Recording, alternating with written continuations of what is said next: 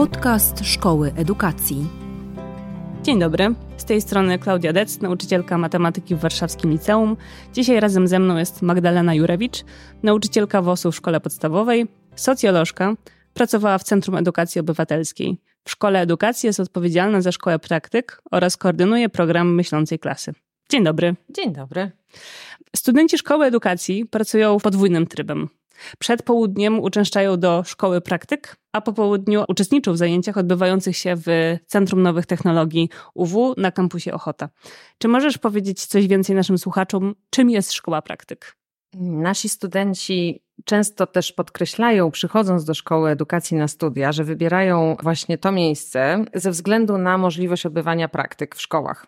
Dlaczego to jest takie ważne i dlaczego to jest takie nietypowe, charakterystyczne dla szkoły edukacji? Ważne jest dlatego, że jak przygotowujemy się do wykonywania jakiegoś zawodu, przygotowujemy się w ogóle do robienia czegoś nowego, to jest taki moment, kiedy musimy tego spróbować.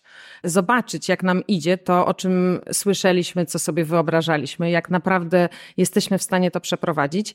A ponieważ uczenie jest czynnością bardzo skomplikowaną, to musimy trochę popróbować. Musimy sprawdzić różne metody. E, musimy sprawdzić, jak się odnajdujemy z uczniami w różnym wieku, w różnego typu placówkach. E, I taką możliwość dają szkoły praktyk, taką możliwość daje program studiów, program praktyk u nas w Szkole Edukacji. Dlaczego to jest wyjątkowe? Dlatego, że rzadko na studiach e, przygotowujących do zawodu nauczyciela te praktyki realizowane są w taki sposób jak u nas. Mówię rzadko, osobiście nawet nie znam dokładnie takiego programu jak nasz, ale nie chcę tutaj nadużywać jakoś tego, bo przecież nie znam też wszystkich programów. Ten program jest wyjątkowy, dlatego że praktyki są prowadzone równolegle, tak jak powiedziałaś, przez cały czas trwania studiów. To ma różne konsekwencje. E, po pierwsze, takie, że studenci mogą się naprawdę zadomowić w tych szkołach praktyk, że to nie jest tak, że przychodzą tam na chwilkę z wizytą, tylko jest taki moment, w którym czują się tam już jak u siebie, e, mogą nawiązać relacje z nauczycielem, opiekunem praktyk, mogą nawiązać relacje z uczniami i troszkę bardziej doświadczyć takiej realnej relacji, realnej sytuacji bycia nauczycielem w klasie. To nigdy nie jest dokładnie tak jak potem we własnej klasie, ale dzięki temu, że to trwa, może to być bardziej zbliżone.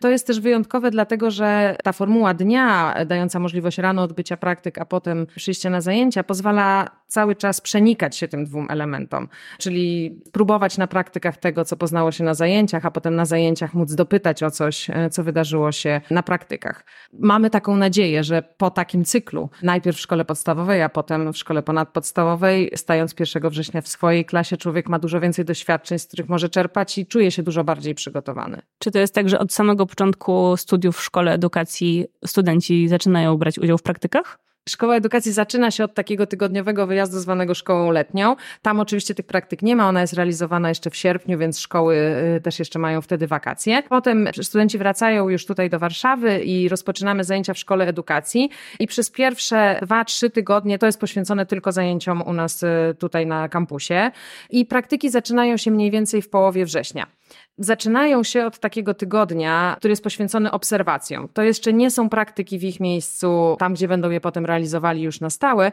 To jest taki tydzień, w którym mogą przeprowadzić obserwacje w różnego typu placówkach. Obserwacje prowadzą w grupach, jest tam zawsze z nimi ktoś też ze szkoły edukacji. Te obserwacje są prowadzone pod jakimś kątem, mają jakiś temat przewodni i są potem podsumowywane po powrocie tutaj do szkoły edukacji. Tak wygląda pierwszy tydzień obecności naszych studentów w szkole. Natomiast potem zaczynają już regularne praktyki w szkole podstawowej i one trwają około czterech miesięcy. Najczęściej to jest jakoś w okolicach ferii zimowych, kiedy się kończą trochę przed, trochę po, zależy jak ten kalendarz roku szkolnego się układa, a w drugiej części roku idą już do szkół ponadpodstawowych. Jeżeli ktoś przychodzi do szkoły edukacji, wiedząc, że chce uczyć tylko i wyłącznie w szkole podstawowej, to znaczy, że przez cały rok może chodzić na praktyki tylko do, do tego typu szkoły?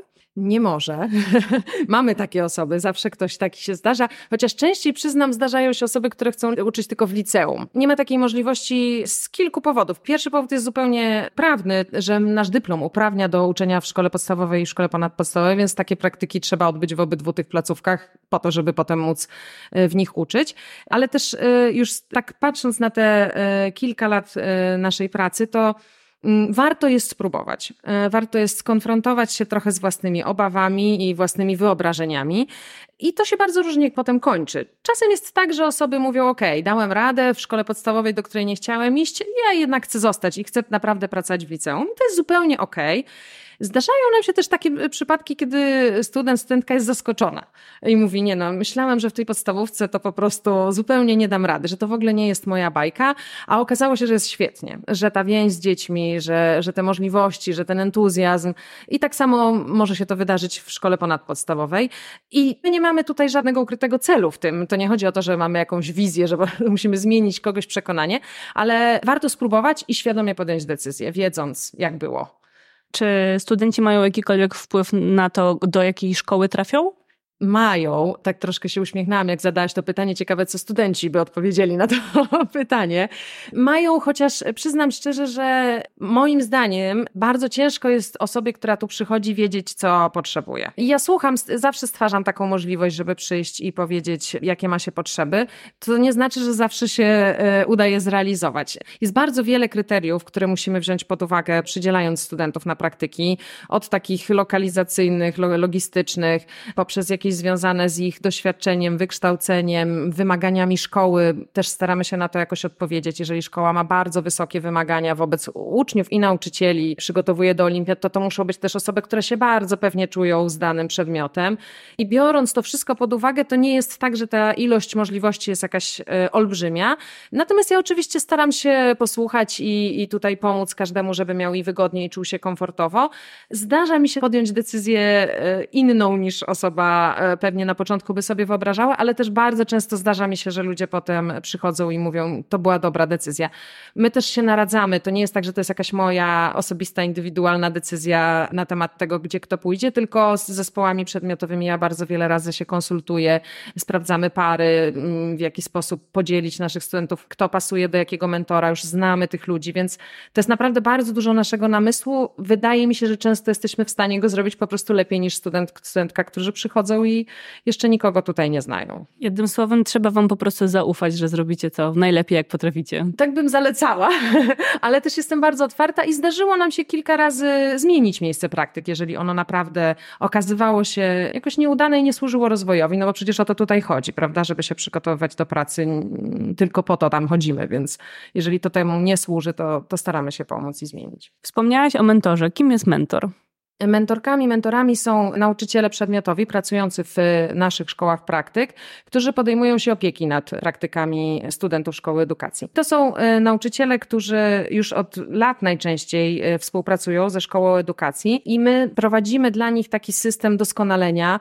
Myślimy o nim dwutorowo. Z jednej strony najważniejszej to chodzi o to, żeby byli przygotowani do opieki nad studentem, czyli rozwijali takie kompetencje potrzebne do wspierania drugiego dorosłego w rozwoju, od nie wiem, udzielania informacji zwrotnej, prowadzenia obserwacji zajęć, ale też po prostu znali program szkoły edukacji i wiedzieli, czego ci studenci się uczą. Im dłużej mentor, mentorka z nami współpracuje, tym łatwiej mu jest zobaczyć, w jakim momencie e, studiów jest e, studentka, student, co teraz robi, czego się uczy, czego można od niego wymagać, w czym go wspierać. A z drugiej strony ten program doskonalenia dla mentorów jest też taką propozycją dla nich, jeżeli oni chcą coś zmienić w swojej praktyce, szukają jakiegoś nowego pomysłu, e, no to to też jest okazja do tego.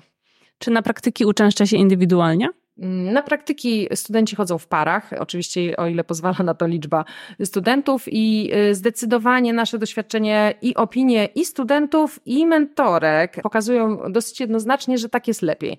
My mieliśmy różne wątpliwości na początku, zastanawialiśmy się, a może lepiej byłoby jednak pojedynczo, może to jest większy wysiłek dla y, mentorki, mentora, może to jest większy wysiłek dla studentów, no bo jeszcze oprócz tych wszystkich wyzwań dochodzi takie wyzwanie do gadania się w tej parze, ale doświadczenie pokazuje, pokazują, że zdecydowanie więcej jest korzyści, że ta różnorodność, ale możliwość wsparcia, wspólnego próbowania, testowania, zasadniczo zawsze studenci podkreślają, że im to pomaga i podobnie jak w tym przypadku doboru do szkoły, zdarzają nam się trudności.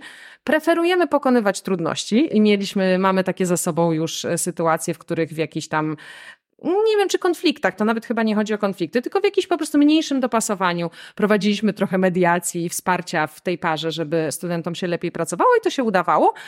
Nie przypominam sobie, żebyśmy musieli kiedyś zmienić parę ze względu na to, że aż tak ciężko było e, realizować te praktyki. No pamiętam, że były wyzwania, ale zawsze moje doświadczenie też jest takie, że wyjście z tych wyzwań i pokonanie ich sprawia, że ludzie są potem silniejsi, zadowoleni i często mówią, jak dobre to było doświadczenie dla nich i ta para potem bardzo często jest mocna i, i wspiera się nawet bardziej niż, niż taka, która nie musiała przejść przez trudność. Kiedy rozmawiamy o praktykach w szkole, czy możesz pokazać skalę, ile godzin praktyk student szkoły edukacji jest zobowiązany przeprowadzić? To wygląda od takiej bliskiej perspektywy tygodnia, że w tygodniu studenci są w szkole mniej więcej 12 godzin. Te godziny są podzielone. Zależy nam na tym, żeby 9 godzin było bezpośrednio poświęcone na obserwacje e, i bycie na lekcji w klasie. E, te dodatkowe 3 są na takie spotkanie z mentorem, na współpracę między studentami, no ale 12 godzin w tygodniu w szkole. Ja staram się w miarę rozsądnie przeliczać te 12 godzin przez okres trwania praktyk w szkole podstawowej, a następnie w szkole ponadpodstawowej, uwzględniając wszystkie takie elementy życia szkolnego, wolne weekendy przedłużające się, potem nie wiem, okres przygotowania przed świętami Bożego Narodzenia, kiedy to już troszeczkę inaczej w rytmie życia szkolnego wygląda. I mniej więcej od 150 do 170 godzin praktyk w danym etapie studenci realizują, czyli najpierw w szkole podstawowej, a potem w szkole ponadpodstawowej. No to jest zdecydowanie więcej niż takie minimum wymagane przez rozporządzenie i to jest jakby jeśli chodzi o samobycie w szkole. Natomiast oprócz tego najważniejszym chyba dla nas wymogiem e, jest liczba przeprowadzonych lekcji i studenci w każdym etapie, najpierw w szkole podstawowej, potem w szkole ponadpodstawowej muszą przeprowadzić samodzielnie 18 lekcji, a 4 przeprowadzić we współprowadzeniu czyli z drugim nauczycielem prowadzącym, ze drugim studentem albo z mentorką, mentorem. Czy może się zdarzyć, że ktoś nie zda szkoły praktyk? Może się tak zdarzyć. To jest najważniejszy element przygotowania do tego zawodu. Często jak rozmawiamy tutaj u nas w gronie kadry szkoły edukacji, to to mówimy, że to tutaj się wszystko skupia, bo tak naprawdę wszystko to, czego uczymy się na zajęciach, uczymy się po to, żeby zrealizowało się w szkole praktyk. Można bardzo dobrze realizować przedmioty, a nie przełożywszy tego na praktykę, to trochę podważa sensowność studiów i uzyskania dyplomu. Tak naprawdę to, co najbardziej my chcemy sprawdzić w trakcie tych studiów, to jest to, czy student, studentka potrafi zrealizować najważniejsze dla nas rzeczy w swojej klasie ze swoimi uczniami. Natomiast to nie zdarza się często i chciałabym powiedzieć, że nie zdarza się z zaskoczenia. Mieliśmy przypadki, w których osoby u nas nie uzyskały dyplomu i to na pewno są zawsze trudne historie, więc ciężko jest mi o nich teraz tutaj opowiadać i na pewno osoby, które tego doświadczyły, mają z tym różne emocje. Natomiast my bardzo staramy się, mm, żeby nasze ocenianie, które dzieje się w trakcie, dawało wiele informacji zwrotnych szybko. I zawsze staramy się dawać szanse i ostrzeżenia i informacje, co robić, żeby było lepiej. Więc oczywiście jest taka możliwość, ale ona na pewno nie spotka kogoś z zaskoczenia oraz na pewno nie jest tak, że nie ma możliwości się poprawić. Tylko chodzi o to, żeby no summa summarum na końcu móc sobie e, szczerze odpowiedzieć, że jesteśmy w stanie rekomendować tę osobę do pracy z dziećmi, bo, bo taką odpowiedzialność podejmujemy wręczając dyplom. Czy studenci, kiedy prowadzą samodzielnie lekcje, dostają za to pieniądze? Mm, u nas na praktykach? Albo od szkoły? Nie. E, na praktykach nawet by nie mogli, e, dlatego że jakby formalnie nie są nauczycielami, nawet nie mogą być sami w klasie. Wtedy musi być tam pracownik szkoły, nauczyciel z nimi. Natomiast studenci dostają u nas stypendium. Jeżeli dostaną się i zaaplikują, to program stypendialny pozwala im otrzymywać środki co miesiąc. Serdecznie dziękuję za tę rozmowę, Magdalena, i do usłyszenia w kolejnym odcinku. Bardzo dziękuję. Dziękujemy za wysłuchanie podcastu Szkoły Edukacji Polsko-Amerykańskiej Fundacji Wolności i Uniwersytetu Warszawskiego. Już niebawem ukaże się kolejny odcinek, w którym Klaudia Dec, nauczycielka matematyki w Warszawskim Liceum oraz absolwentka Szkoły Edukacji, będzie rozmawiać ze swoimi gośćmi. Tymczasem zapraszamy do Podcasterixa, podcastu prowadzonego przez wykładowców dydaktyki historii Szkoły Edukacji. Do usłyszenia.